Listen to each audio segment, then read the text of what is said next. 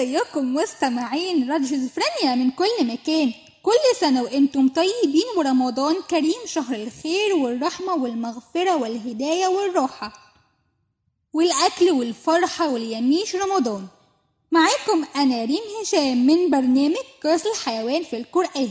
هتعرفوا فيه حكايات كتير وقصص لكل حيوان معجزة وحكايات كتيرة ليها عبرة وعظة. تعالوا نفهم إيه هي الحكاية؟ وإيه هي غرضها وقصدها؟ بيحصل خلافات كتير جدا بين الحيوانات في أشياء تافهة زي الطعام والماء مع إنه كتير.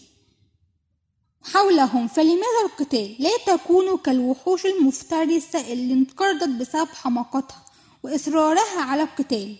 فكان من قبلكم أن يهبط سيدنا آدم عليه السلام على سطح الأرض وحوش كبيرة الحجم ولكن صغيرة العقل. فكانت على الأرض قبل ملايين السنين وحوش ضخمة منها التنانين والديناصورات كان حجمها من حجم الجبل وكانت بلا عقل وبلا تمييز وكانت الأرض تتهيأ لاستقبال كائن جديد وهو الإنسان. فكانت الملائكة تتحدث عنه كثيرا في دهشة وحب فاشتعلت نار الغيرة داخل الوحوش الأرض من زائرها الجديد. محدش يعرف إيه هو اللي حصل لها أو إيه هو اللي أصابها. حتى اشتعلت بنار غضب هائلة وراحت تتقاتل وتسفك الدماء وأبديت عشرات الأنواع ونجا الأقوى منها ولكنهم بعد أن نجوا ملقوش أي طعام على الأرض.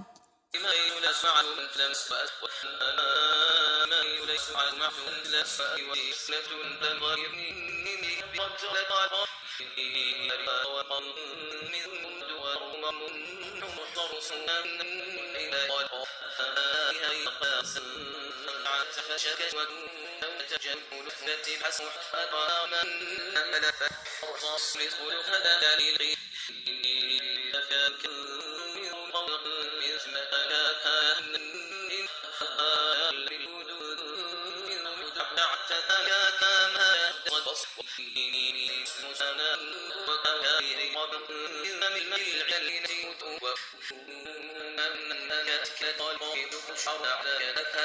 القبيحة اللي ذكرها أبيه وبقى هو سيد البحر فكانت في سفينة مضيئة بشكل غريب جدا وشيء من داخل الحوت يمنعه من مهاجمتها مع انه هو بيكره الإنسان لأن هو كان سبب في مقتل ابيه فكان يراقبها فقط. وكان بتحدث ليه قوة غريبة في نفسه كأنه قابل على مهمة خطيرة ومستغرب من اللي بيحصل له. فكان سيدنا يونس عليه السلام يأس من عدم إيمان أهل مدين وترك المدينة غاضبا وقرر أن يسافر بدون أن يكون لديه صبر. وركب إحدى السفن وصارت عاصفة شديدة جدا فكان لازم يخففوا الحمولة وقاموا بعمل قرعة على الركاب ومن يخرج اسمه يلقونه في البحر.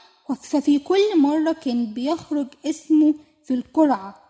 بس هم كانوا مترددين لأن هو كان رجل صالح يونس ابن متى. ففي آخر مرة في القرعة برضه جه اسمه وألقوه في البحر. وكان الحوت ينتظر فتح فمه الكبير وغاب يونس داخل جوفه. وده كان من قلة صبره فامتحنه الله. فكأن الحوت حي... عنبر حائرا ويرفع رأسه بالأسئلة للسماء وكأنه يكتب تفسير. فظل طول اليوم مستيقظا وفي اليوم التالي ظهر لي ملك كريم وقال لي إن ما حدث بالأمس كان معجزة وإنه ابتلع ذنون ذنون هو نبي وديع ووسيم ووسمه كريم واسمه يونس. فابتلعوا دون أن يعرف أنه نبي. وأنه في جوفه ولكنه ليس رزقا له. وأوحى الله إليه ألا يهلك يونس عليه السلام فلا يأكله لحما ولا ينهش عظمه. وأحاطت به ظلمات ثلاثة ظلمة البحر ظلمة الحوت وظلمة الليل. ولبس في بطنه مدة لا يعلمها إلا الله. وسمع يونس تسبيح الحصى والدواب البحر وهو في بطن الحوت فاضطرب ما استحق عليه اللوم فأقبل على الله وأثنى عليه فذكره وسبحه وتضرع إليه بأن يفرق كربه وألهمه الله الكلمات التي تبدد الظلمات وتزيل القربات فنادى ربه مسبحا ونادما. فقال تعالى وإن يونس لمن المرسلين. إذ أبق إلى الفلك المشحون فساهم فكان من المدحضين.